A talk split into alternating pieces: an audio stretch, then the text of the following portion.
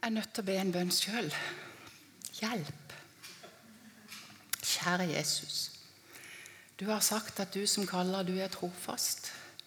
Og nå har du jammen meg planta meg på denne talerstolen, og jeg bare roper til deg om hjelp, Herre. Hvis ikke du kommer og hjelper meg nå, så er det ute med meg, altså. Sånn er det bare, Gud, og det vet du. Jeg takker deg, Herre, for at du har lov til å være med meg. Jeg takker deg for det du har lagt i mitt hjerte. Det skal bli velsignelse for de som hører det, Herre. Men aller mest så gjør jeg det for deg, Gud. Så jeg takker deg, Gud, for at du støtter og oppmuntrer. Amen. Og Så var det jo fint at jeg skulle tale på denne dag når det åpna opp. For nå var det jo ikke så veldig få mennesker her lenger, så det går greit. Um, og dere som er med i vekstgruppe, dere vet det at eh, vi skulle ta for oss Nehemjas bok.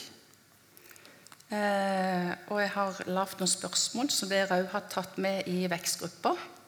Og da tenker jeg at jeg vil lese første kapittel i Nehemjas bok. Nehemja, Hakaljas sønns ord.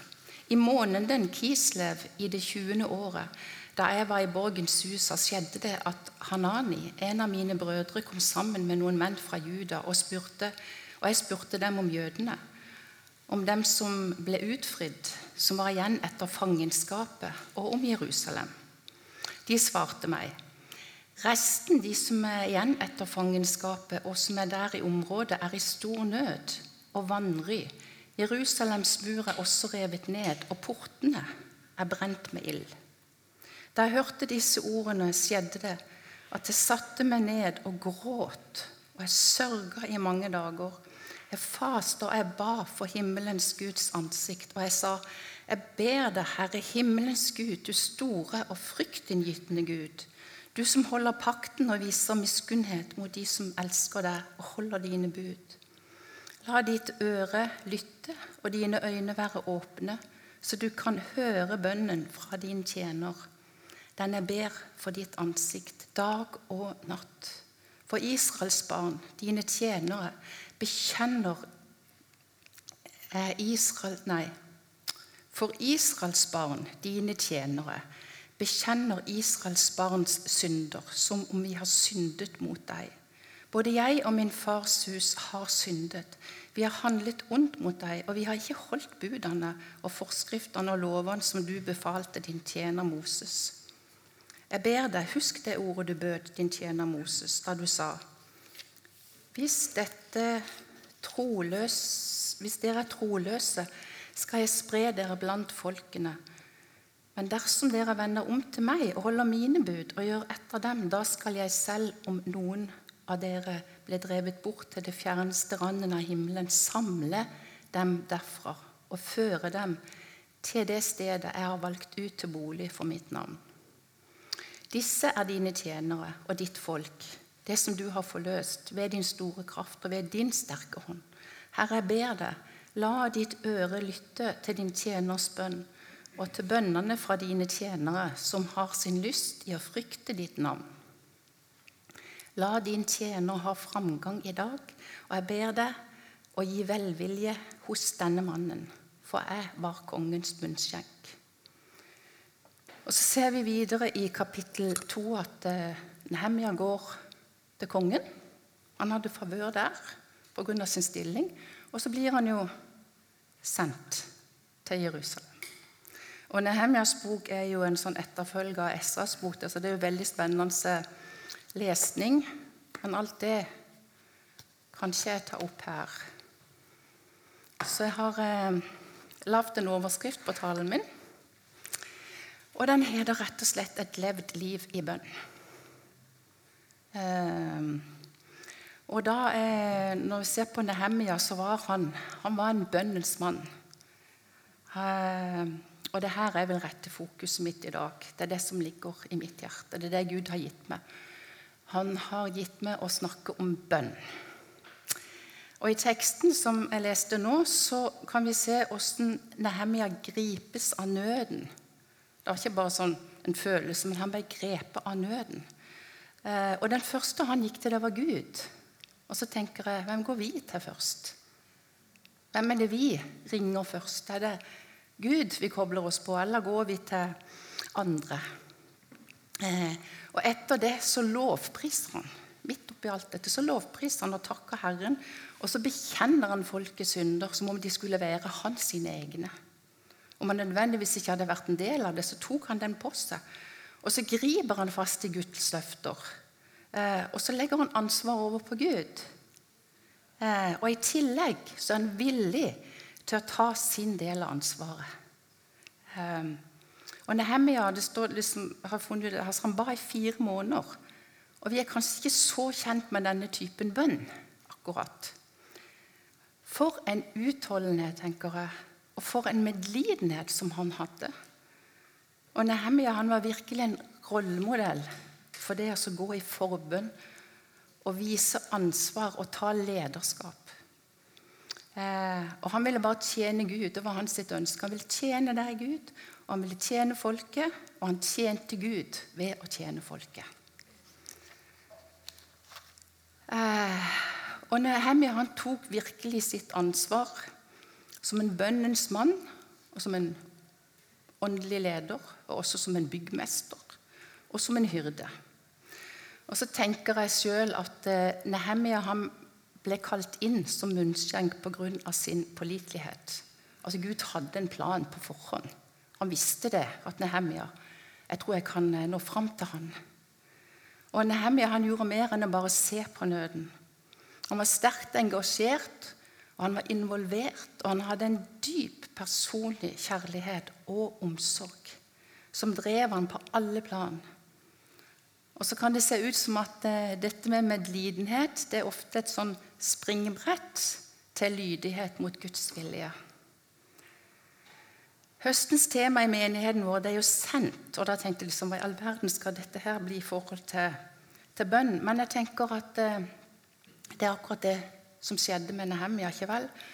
Han, eh, av hans inderlige bønner og tjeneste hos kongen så ble han sendt 1300 km av gårde til Jerusalem. Og Han ble faktisk svaret på sine egne bønner. Han ble et bønnesvar for at Gud skulle oppfylle det som han hadde sagt. Og det er sånn det er. Guds ord i oss. Vi sender det, vi ber det. Vi sender det opp til Gud, og han sender det ned igjen. For hans ord vender aldri tomt tilbake. Og Det er en voldsom sannhet i det. Så hva er bønn? Og Det var da jeg begynte å kjempe hjemme. Kjære Jesus, hva skal jeg bruke, si da? For det er så mye. Det er så allsidig. Det er så utømmelig tema. Eh, og det er så mange innebygde varianter. Jeg kunne holde på å snakke i dager og vis, eh, årevis her om bønn. fordi det finnes så mye spennende det finnes så mye inspirerende og grensesprengende angående bønn som jeg kunne tenke meg å dele med dere. Bønn er i bunn og grunn å snakke med Gud, vår Far i himmelen. Eh, å ha kontakt med Han. Og dele hjertet vårt med hans sitt hjerte. Det er en kommunikasjon som skaper et forhold og en personlig relasjon med Gud, vår Far. Hvis ikke det er fantastisk, så vet jeg ikke. Han som har skapt hele himmelen og jorden, han ønsker å ha en personlig relasjon med oss. Han ønsker å dele hjertet sitt med oss. Så vi er først og fremst kalla til å være i Kristus, være i fellesskap med Han, i Hans nærvær. Og det handler ikke om å prestere noe, men om å være i en relasjon med Jesus. For Gud lengter sånn etter fellesskap med oss. Der vi blir som et bønnens hus for Han, et sted der Gud kan få plass. Et sted med hvile og ikke noe stress. Det handler ikke om hvor flinke vi er til å be, men bønn handler om å være. For Gud vil at vi skal holde blikket på Han, og ikke på problemene. Bønn er åndsfylt. Det er et sted der vi tilber, og der vi får Guds perspektiv og tanker. Det er et sted der vi lærer å kjenne Guds hjerte. Og når vi bruker tid med Gud, så ser vi han sånn som han er. Og noen tenker kanskje at bønn er å be til Gud om ting som vi trenger. Men all sann bønn søker egentlig Gud sjøl. Søker Han. For med Han og hos Han så får vi alt vi trenger. Bønn er helt enkelt at vi vender sjelen vår til Gud. At eh, vi søker Han med inderlighet. At vi stiller oss selv til Guds rådighet og gir Han anledning til å virke i oss og for oss. David eh, i Bibelen da, han er jo et herlig eksempel på bønnens allsidighet. Han øste ut sitt hjerte. Han holdt ingenting tilbake. Han var helt ærlig med livet sitt også, i sine bønner. Han lovpriste, han klaga, han sutra, han ba og han kjempa. Alltid sånn der salig blanding. Og vi kan også be sånn som David, med hele våre liv. Og Gud hører oss, for han er en bønnhørende Gud. Amen. I 1. Johannes 5, 14 så, sier, så sies det at når vi ber om noe som er etter hans vilje, så hører han oss. Det er jo fantastisk. Han, han, liksom, han sitter ikke der og holder seg i ørene. Han hører det vi ber. Um, og Hvis vi vet at han hører oss, uansett hva vi ber om, så vet vi også at vi har fått oppfylt de bønnene som vi har bedt til han. Og Her ligger det sånn en kraftfull sannhet. For hva er da Guds vilje? Jo, det er jo hans sitt ord. Og de finner vi kun i Bibelen. Finner ikke de ordene noen andre steder. Og eh, Selv så har jeg, ber jeg hver dag Guds løfter over mitt liv. Eh, og over mine barns liv, over min families liv, over menighetens liv, over eh, alt liv. Eh, og jeg har merka av sånn, Jeg har ikke den Bibelen med meg, for det er hjemmebibelen min. Jeg har merka av med sånne små eh, Eh, farger der jeg slår opp, og der jeg bare ber Guds løfter over mitt eget liv, over eh, andres liv, akkurat sånn som Hans ord sier. Eh, og da vet jeg bare at han hører, og han gjør noe med de bønnene. Så jeg minner Gud om de, i tilfelle han har glemt det. Det har han jo ikke. Men når du taler det ut, så blir det, og jeg sier det høyt, fordi det blir en sannhet, i meg sjøl.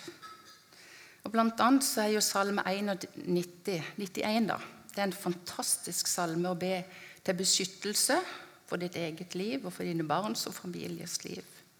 Det er en beskyttelsesbønn. Eh, og Gud har sagt at Hans ord vender ikke tomt tilbake.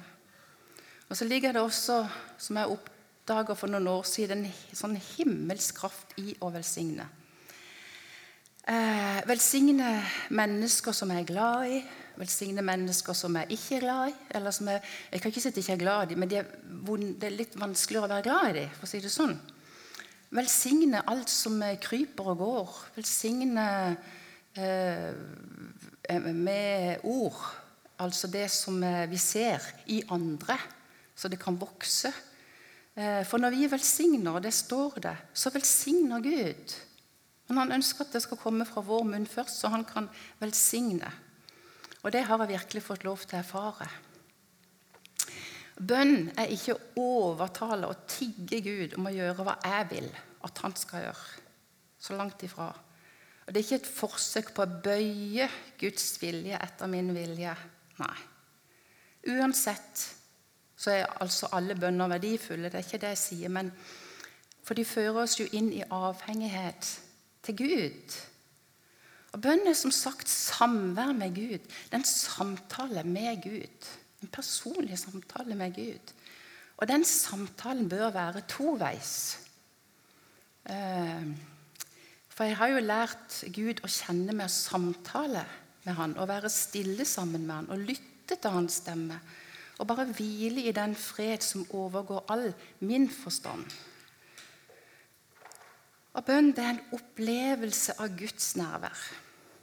Og Bønnen fører meg nærmere Gud. Og Salme 62, 6 sier, 'Bare i håp til Gud, vær stille, min sjel'. Og det er så godt å være i Guds nærhet og få oppleve dette her inderlige samfunnet med Han. Akkurat som et barn. Som et tillitsfullt barn. Det er det beste stedet som jeg kan være. Og bønnen har blitt en virkelighet i livet mitt, som man kanskje hører. Eh, og det tilfredsstiller all min indre tørst. Det er der jeg møter Gud alene. Eh, og jeg søker giveren. Jeg søker Gud sjøl. Eh, mer enn alle gavene han kan gi til meg. Så opplever jeg gang på gang på gang at han velsigner meg med alt det jeg trenger til, uten at jeg en gang har bedt han om det. Det står jo det at han gir sin elskede det hun lengter etter mens hun sover. altså Han vet jo hva vi trenger, så vi trenger nødvendigvis ikke minne ham på det hver dag. Men det kommer som gjensvar. Og det har forundra meg så mange ganger at han har gitt meg til og med noe som jeg ikke visste jeg trengte. Og selvfølgelig så har jo Gud sagt eh, i sitt ord 'begjær av meg', og be, så skal dere få. Og dere har ikke fordi dere ikke ber. Og det er jo fantastiske løfter å minne seg sjøl på det. Men det blir faktisk litt underlig om vi bare kommer til Gud som et lite barn, og så ber vi Han om alle disse gavene. Vi trenger først og fremst å tenke på Gud som den han er. På hans ære og på hans herlighet. Og elske Han av hele våre hjerter og tilbe og lovprise Han. Og ikke bare fokusere på det som Han gjør for oss. Han som er hellig, han som er stor, han som er allmektig, han som fortjener all vår tilbedelse. Og Vi trenger igjen og igjen å lovprise. Min sjel opphøyer Herren, og min ånd fryder seg i Gud, min frelser. Det står i Lukas 1, 46. Og Salmenes bok det er en ypperlig form for lovprisning. Om du begynner å takke, så vil det gradvis boble opp mer takksigelse fra hjertet ditt. Jo mer du takker, jo mer takknemlighet kommer det, jo mer glede får du i hjertet, og jo mer tenker jeg Gud fryder seg. Ehm, så Salme 103, 1 sier Min sjel, lov Herren, og alt som i meg er, lov Hans hellige navn. Så lovprisning og takksigelse åpner jo ikke alene himmelens porter over oss, men de fører oss på rette veier, der hvor Gud kan velsigne oss. Og Paulus skriver jo 'Vær alltid glad'.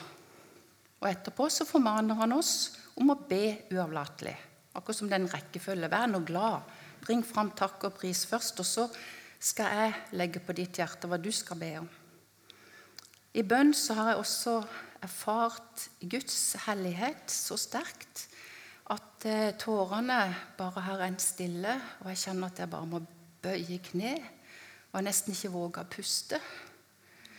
Fordi hjertet kjennes ut som det skal sprenges. Som sagt så er bønnen en allsidig og mangfoldig eh, emne å gripe fatt i. Og det er virkelig et stort tema. En bønn det er i hvert fall ikke kjedelig. Den som sier det, den har ikke fått oppleve dette her. Det er så utrolig spennende. Så la oss hver for oss søke å få se mer av Gud. Mer av Hans herlighet. Og Det står det i Matteus 5,8.: Salig er de rene av hjerte, for de skal se Gud. Og Må det være vårt høyeste mål å få se Gud og la Han få større plass i våre liv. Det ber jeg om for den menigheten, at vi skal få se mer av Gud. Og hvis dere skal vi se, altså, hvis dere kommer hjem til meg da, og kikker i min bokhylle, så vil dere ikke finne så mange romaner. eller sånn. Der står det stabel på stabel med bøker om bønn. Om øh, øh, skal vi se, det profetiske. Om den profetiske tjenesten. Der står det bøker om eh, vekkelseshistorier. Eh, og, eh, og, de bøkene har jeg lest, og de er veldig vanskelige for meg å legge fra meg. Fordi det er historier der du kan lese om hele samfunn som har blitt forvandla. Og bare ved at det er blitt gjennomsyra av Guds nærvær. Fordi én eller to, eller helst to, da, to eller tre eller flere har kommet sammen og bestemt seg for å be til himmelens Gud og bøye kne. Og de har båret fram bønner i dager, i uker, i årevis, og til og med i generasjoner har de båret det fram. Og plutselig så har Gud åpna himmelen over mennesker og steder. Og det er det dypeste, tror jeg, i, min, i mitt hjerte. Det er at Gud liksom skal åpne himmelens luser i en mye større grad over Mandal by og menneskene her. Eh, og du kan snakke om bønnesvar, da. Eh, når, når bare, folk bare går forbi på utsida, så bare må de bare bøye kne og ta imot Jesus. Eh, og eh, Her kan vi jo trekke paralleller til Nehemia, for han identifiserte seg med folket. Og han fikk en byrde ifra Gud det var ikke noe som bare kom. Han hadde fått den fra Gud. Og han ba ikke ut fra eget behov. Han ba på vegne av folket. Og Vi kan også sammenligne Nehemjas bok med 2. krønika 7,14. Hvis da mitt folk, det er altså oss, som er kalt med mitt navn, ydmyker seg og ber og søker mitt ansikt og vender om fra sin onde ferd, da skal jeg høre fra himmelen og tilgi deres synd og lege deres land. Så det er egentlig Guds ord som sier det at 2. Krønika 7,14 det er veien til vekkelse. Og Dette bibelverset oppsummerer Guds måte å fremme vekkelse på, ikke vår måte. Og det skjer kun gjennom Guds folks bønner, altså gjennom du og gjennom meg.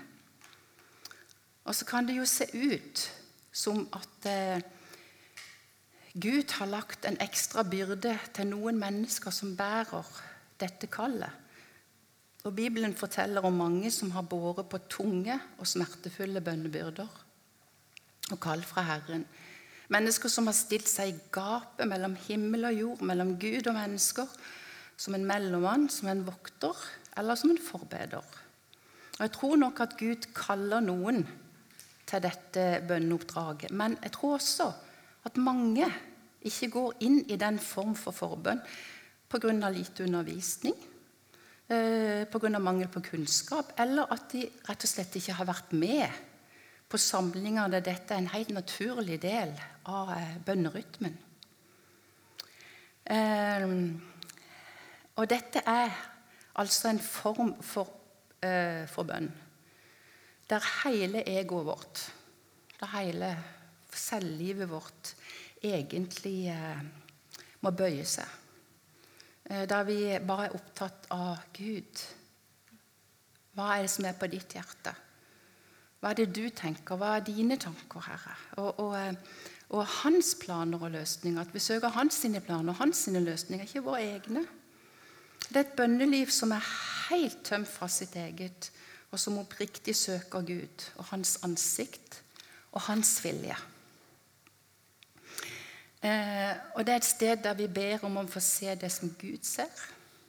Om å få ører som hører det han sier. Og om et hjerte som tar imot Guds kjærlighet og smerte akkurat for denne tida som vi lever i nå. Det er et totalt overgitt liv i Guds hender, i hans vilje. Og det er et valg. Det er faktisk et valg om å være mottagelig til alt det som han måtte legge ned i hjertene våre. Det er et veldig uselvisk liv. Det er helt på tvers av nåtidens tankesett. Meg, mitt og mine. Selvrealisering og alt det som er i fokus. Det er liksom vi som er i fokus. Eh, så hvordan kommer vi dit, da? Det er et godt spørsmål. Eh, er det mulig? Vil du dit? Eller eh, er det bare meg? Eh, men jeg tror, jeg tror det er mulig å komme dit. Jeg har tro på det. Og jeg vil dit. Jeg vil absolutt dit. Og da tenkte jeg at det kanskje var greit å dele litt av min personlige reise. Fordi at vitnesbyrdet har kraft i seg. Det er mitt eget levde liv. Jeg tar da litt med inn i mitt private bønneliv, som egentlig er litt personlig, men som allikevel jeg kan dele noe av. Ehm, for jeg har erfart mye når det gjelder Gud. Og jeg har, eh, erfart masse når det gjelder å be. Så ber jeg om at det må bli til oppmuntring for dere. At det ikke er liksom å sitte og tenke og det var da voldsomt, der kanskje jeg strekker Men det handler ikke om det. Jeg vil bare dele det for å inspirere og for å oppmuntre og for å vise liksom hva vår Gud kan når han får lov til å slippe til. Eh, så er det jo sånn at jeg ble frelst. Jeg har et før- og etterliv, for å si det sånn. Det var i verden, og så var det liksom her. Eh, og For 15 år siden så ble jeg frelst. Og ikke bare ble jeg frelst, men jeg ble herlig frelst. Og det er jeg fortsatt. Jeg er så herlig frelst at det er ikke til å fatte. Og det takker jeg Jesus for hver eneste dag. Eh, og jeg ble dratt ut av hele sigebunnen. Fra alt mørke, fra alt mitt eget strev, fra mine, alt mitt eget. Og jeg ble fullstendig satt i brann. Noe så til de grader. Um, og det brenner fortsatt, for å si det sånn. Det brenner like mye inni meg ennå. Det har ikke slukka uh, for Jesus. Og jeg, jeg, var altså helt ustoppelig. Jeg var så nysgjerrig. Jeg var liksom så frimodig og eh, søkende. Og jeg var uten filter. Det fantes ikke. Det var ingenting som kunne stoppe meg. Jeg var pågående. Jeg var full av kjærlighet til Jesus. Um, og for å si det sånn, så elsker Jesus mer og mer for hver dag som går. Det er en kjærlighetsrelasjon, og den går ikke ut på dato. Og så begynte jeg umiddelbart å snakke med Gud. Og det er jo bønn. Prate med Gud. Satt med hos han og, og, delte livet mitt med han. Eh, jeg begynte å lese Bibelen. Jeg fikk Bibelen i hus. Og jeg døpte meg ned med det gamle, opp med det nye. Og det var eh, fantastisk herlig. Eh, det er herlig nå òg, men det er på en annen måte. eh, og jeg ble virkelig en ny skapning. Eh, og Gud han delte hjertet sitt med meg. Jeg delte mitt hjerte med han, og så, og så delte han sitt hjerte med meg. Og Så kan du ikke si at det var noe sånn hørbar vokal stemme, liksom 'Så sier Herren'. Det var ikke sånn. Men det var som sånn, bare sånn en slags indre stemme eh, inni meg. Og det kom gjennom inntrykk, gjennom hans sitt ord, gjennom bilder eh, gjennom naturen. Jeg bare kjente at Gud snakka til meg hele tida. Men en dag så hørte jeg Jeg kan ikke si at det var liksom som kom ovenfra, men det var en veldig sterk stemme inni meg som sa Jeg gir deg mitt folk. Eh, eh og akkurat da, som nyfrelst, så forsto ikke helt hva Gud mente. Jeg tenkte i all verden, hva skal jeg med de da? De er jo, de er jo frelst, og de, liksom, eh, de har det jo sånn som meg. Så i all verden, hvorfor skal du gi de til meg? Så jeg skjønte jo ikke mer i min liksom sånn babyvandring med, med Gud. da. Men, men, det som jeg husker, det var at akkurat som hjertet mitt eksploderte, og jeg ble så grepet i hjertet mitt og det sitter enda hei spigra. Det sitter som nagler fast og spigra fast og risser inn i hjertet mitt. Og det, det, vil ikke gå sin vei. Enda jeg sa jeg vil ikke ha det. Jeg vil ha noe annet. Uh, men det var der det begynte. Um, så jeg skjønte jo at det var et kall ifra Gud over mitt liv. Og alle dere har et kall over livet. Det ser ikke ut som mitt, men det er mitt kall. Eh, og En stund seinere var det konferanse. Eh, det var en taler som, eh, som talte eh, rett inn i livet mitt. Og Jeg husker bare at tårene rant, og hjertet det dunka liksom helt sånn intenst. Og Så sa denne taleren bl.a. at eh, den bønnebyrden og det hjertet som jeg hadde for Guds folk, det var ikke mitt. Det var noe som Gud hadde lagt ned i hjertet mitt. Eh, så det var opp til meg å ta imot det. Eh, og jeg hadde, og jeg har, fortsatt en oppriktig nød for alle kristne. Jeg er ikke noen typisk evangelist, og jeg bare takker for at det fins eh, de i menigheten, Herre. Eh, men jeg bare kjenner at det var det han ga til meg. For menigheten, for Guds folk eh, og for alle kristne. Og sånn starta det en annen form for bønneliv hos meg. Og så var jeg jo med på alt som hadde med bønn å gjøre. Og kjære Gud, altså. Det var ikke måte på. Eh, det var alle slags bønnemøter. Det var bønneskoler, det var bønnekonferanser, det var nasjonale bønnesamlinger, og bønn for Mandal, og bønn for, eh, for eh, Oslo, og bønn for storting, og bønn for regjering. Og jeg reiste land og strand rundt og var med på alt som kunne. Og jeg bare kjente meg sånn Her er jeg hjemme. Eh, og så var jeg også på, på mange profetiske konferanser og, og, og samlinger. Så jeg kjente liksom at det gikk hånd i hånd. Og for ikke snakke om lovsang, da. Det, det går også hånd i hånd. Og Jeg kunne be i timevis eh, med vekselvis lovsang og bønn og stillhet, og jeg opplevde virkelig at Gud talte til meg. Og Så ble jeg minnet på helt i begynnelsen at jeg skulle skrive ned alle de ordene jeg hørte. Det står jo det, så skriv da ned de ordene du hører. Eh, så tenkte jeg ja, jeg får gjøre det, da. Eh, og så ser jeg jo det at hjemme hos meg nå hvis du kommer inn på boden min, så står det jo massevis av permer med bønneundervisning i alle varianter, med profetisk undervisning. Med, altså det, det, det, er liksom sånn ansamlinger på ansamlinger.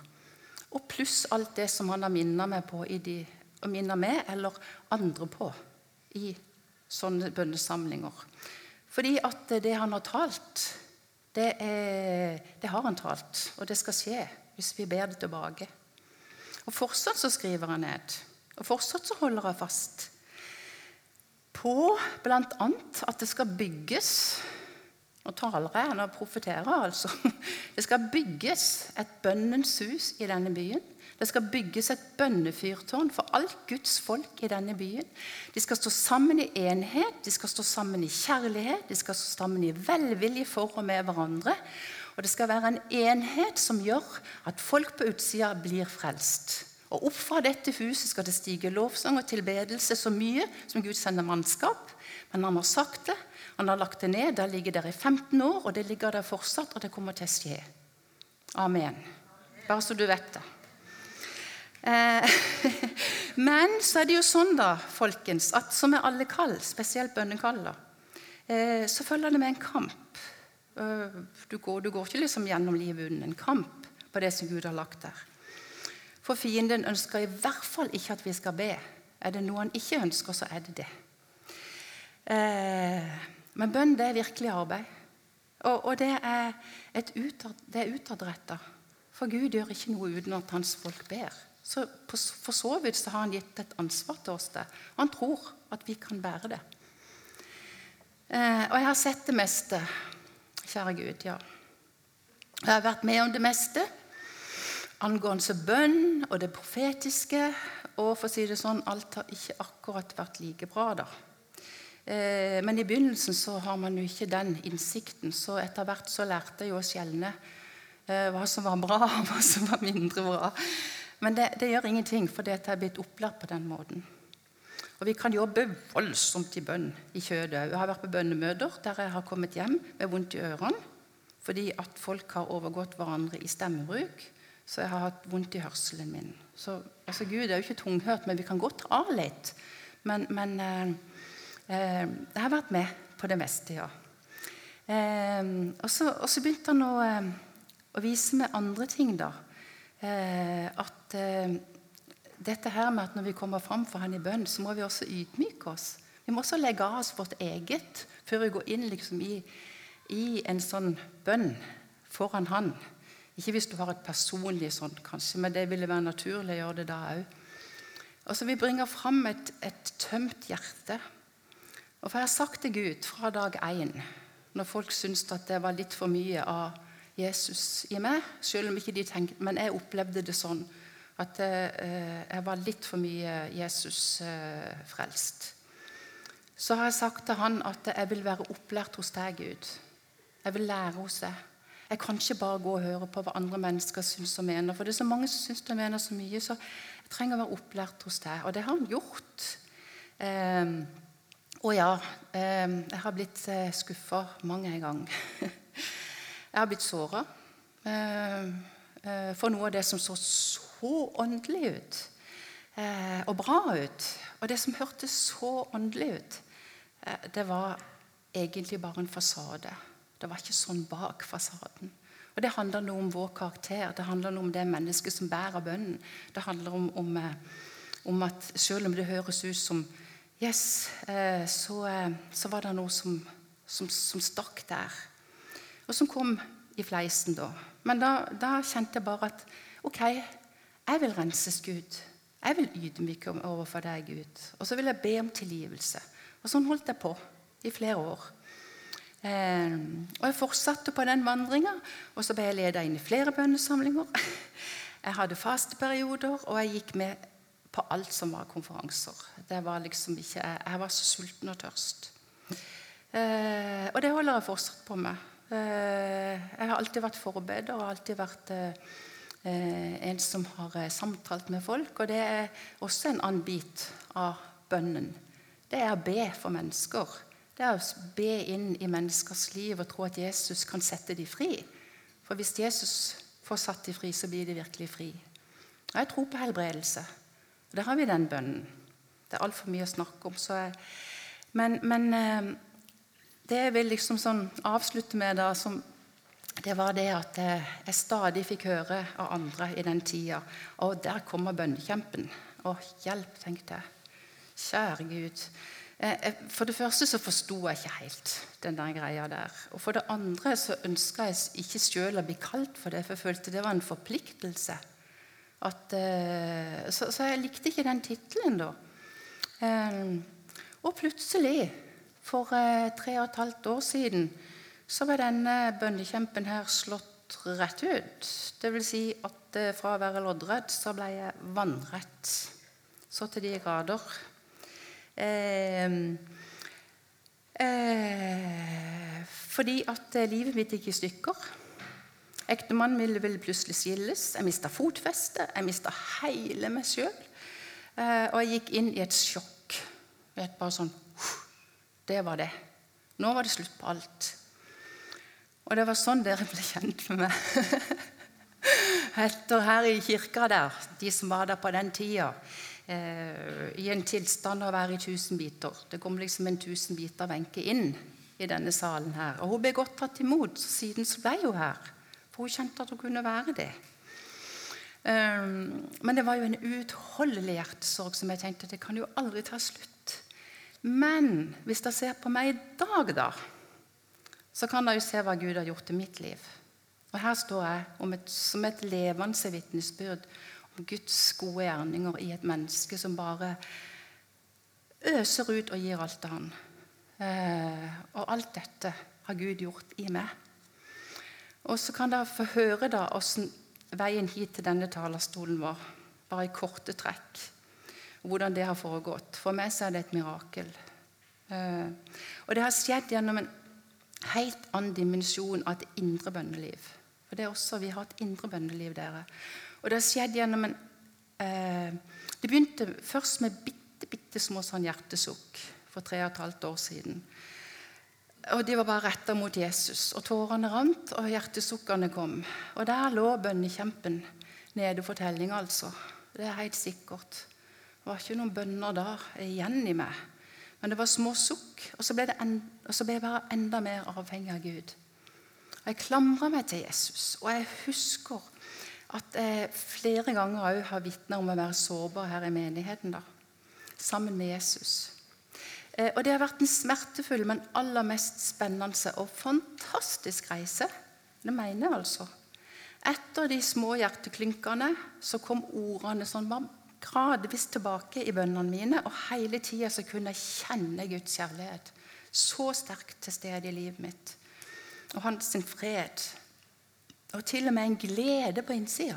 Midt oppi all den elendigheten så kjente jeg hans glede. Og bønnene mine inneholdt Guds ord og hans løfter. Det var det, eh, det var det, jeg talte ut. Det var det jeg klarte. Eh, og noe av det var sånn at jeg skal slettes ikke bli gjort til skamme. Når jeg er svak, da er jeg sterk. Mitt liv er skjult med Kristus i Gud. Og Herre, jeg vet at alle disse vonde tingene tjener meg til det gode, som elsker deg. Med evig kjærlighet elsker du meg. Herre, du skal ikke slippe meg og ikke forlate meg. Og det har han ikke gjort heller. Jeg ga slipp på alt, om og om og om igjen. Jeg satte ord på smerte. Jeg ba om hjelp i alle ting hos Gud, men jeg ba også om hjelp hos mennesker. Eh, og gradvis så kom jeg meg på beina igjen. Det var liksom sånn, det vil si at det er Jesus det var han som stabla meg på beina. Dette kunne jeg ikke klart sjøl. Og Jeg kunne begynne å be for andre, og så velsigne og oppmuntre dem. Og det kom helt av seg sjøl, og jeg kjente på en sånn enorm glede ved å gjøre det. Eh, og midt oppi min egen smerte, for smerten var like reell. Eh, og Det ble bygga opp sånn en tillit til Gud i denne prosessen gjennom disse årene. Og jeg går virkelig til Han med alle ting. Og sånn har jeg blitt kvitt min egen byrde.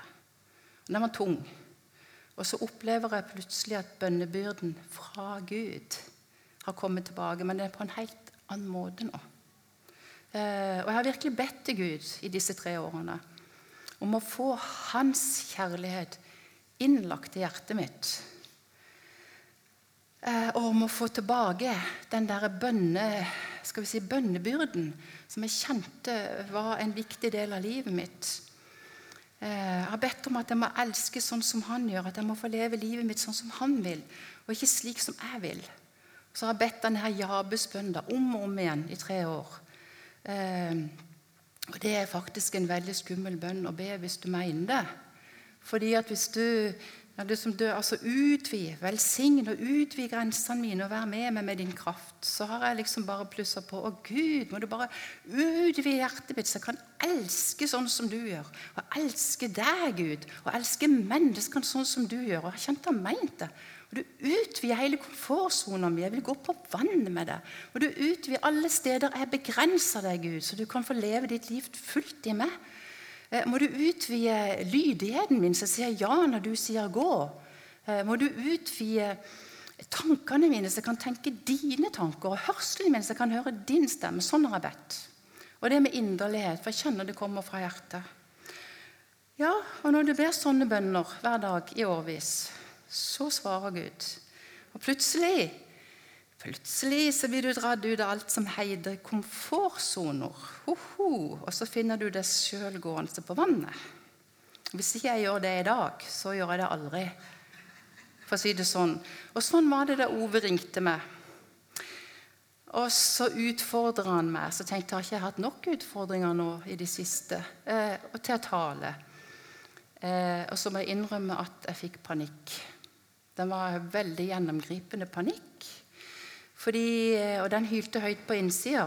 Eh, for det siste stedet jeg kunne tenke meg å være, det var her, som jeg er nå.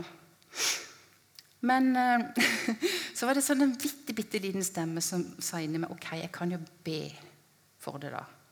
Og etter hvert som jeg ba, så, så kom plutselig denne sånn boblende gleden opp på innsida. Jeg tenkte det her er jo ikke noe å være glad for. i det hele tatt. Dette er jo det frykteligste du kan gjøre, Wenche. Og så tenkte jeg ja vel, eh, det må jo være Gud. For det er i hvert fall ikke min glede. Eh, og så var det akkurat som Gud smilte til meg. Så kunne jeg bare kjenne han, ok, dette, Wenche, dette er svaret på dine egne inderlige bønner. Ja vel, Da var det for seint å gå tilbake. Så da, så da laga jeg min egen avtale med Gud. Så sa jeg, Gud, hvis du vil at jeg skal gjøre det, hvis dette er ditt sprø påfunn, så skal jeg gjøre det for deg. Og da skal jeg glede meg hele veien fram til jeg står her. Og faktisk kan jeg kjenne en liten sånn bobleglede på innsida, så da må det jo være Gud. Eh, og så har jeg stolt på at han som kaller han er trofast, han skal gjøre det. Jeg takker Gud for at det virkelig har skjedd. Eh, og jeg er så takknemlig til han. Det er han som skal ha all lov og takk og pris i dag. For det er han som har forvandla meg så til de grader at jeg nesten ikke kjenner meg sjøl igjen. Og det er egentlig òg litt skummelt. Eh, for det er Gud som har dytta meg opp på denne talerstolen. Dette er ikke noe som, som jeg vil i det hele tatt. Sånn sett. Eh, og på tross av min veldige frykt for sånne stoler er frykten kanskje blitt litt mindre, da, takk og lov. Og så tenker jeg nå at nå er det faktisk ingen vei tilbake. Eh, for hvis min Gud har reist opp denne dama her, til sin ære og pris, så er det et verk som er gjort av Han. Det er, ikke, det er ikke mitt verk, og det er egentlig det som er hele greia av dette. At bønn virker. Når du kommer til Gud med alle ting, når du ber til Han om det umulige, så kan han, så kan han plutselig bare ta og gjøre det umulige gjennom det. Og der så vet jeg bare sånn helt på slutten at ut fra det jeg levde livet mitt i bønn, så har Gud virkelig undervist meg. Han har lært meg opp. Jeg har snakka med han om alle disse tingene. Og så har jeg, I tillegg så har jeg liksom bare sugd til med alt annet av undervisning. Og er det noe jeg 100% tror på, så er det at Gud både hører og han svarer på våre bønner. Ja. Og, og, det må jo være en bra proklamasjon til å avslutte med. Og så ber jeg om at det som jeg har delt i dag, var en liten bit av hva bønn kan være. At det har liksom antent deg litt. At det har inspirert deg. At det har eh, utfordra deg til å liksom ta en sånn personlig eh, gjennomgang av ditt eget bønneliv.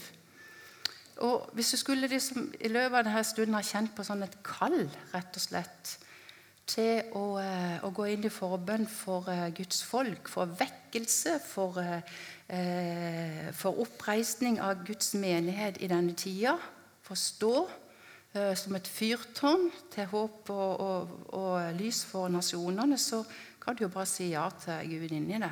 Så hører han det. Eller så kan du også komme fram til forbønn etterpå. Så da vil jeg bare avslutte med bønn. Kjære Jesus. Takk. Takk, Gud, for at eh, du er en bønnhørende Gud. Takk for at eh, det å ha fellesskap med deg og bringe alt fram i bønn til deg, Gud, det, der ligger hele nøkkelen her. Der ligger nøkkelen til frihet, der ligger nøkkelen til eh, til helbredelse. Der ligger nøkkelen til eh, vekkelse i denne byen her. Der ligger, vek, der ligger liksom nøkkelen til alt. Alt livet, Herre, så du kan låse opp her og forløse ditt rike. Jeg ber for denne menigheten, Gud. Jeg ber for oss som er her inne, at vi skal få eh, kjenne at eh, bønn er det viktigste fundamentet vi kan bygge eh, alle ting på. Jeg ber Herre at du kaller oss til, til bønn og lovprisning, Herre. At det skal være et bønnens hus, Herre, for ditt folk. Og så ber jeg, Herre, om at du bare må forløse eh, alle de kall og alt det som ligger i menneskene i denne menigheten, Herre, så de kan bli forløst, Herre, til å eh, vokse i deg, til å stå, Herre, i denne tida, sånn som du har utrustet dem med alle dine tjenestegaver, med alt ditt eh, arsenal som du har lagt ned i oss. Jeg velsigner hver og en av de som har kommet inn her, Herre. Jeg velsigner dem med din fred. Jeg velsigner dem til å være den de, du har skapt dem til å være. Og jeg velsigner oss som menighet til å stige enda høyere opp sammen med deg, Herre, og få se mer av hvem du er i våre liv. Takk skal du ha, Herre.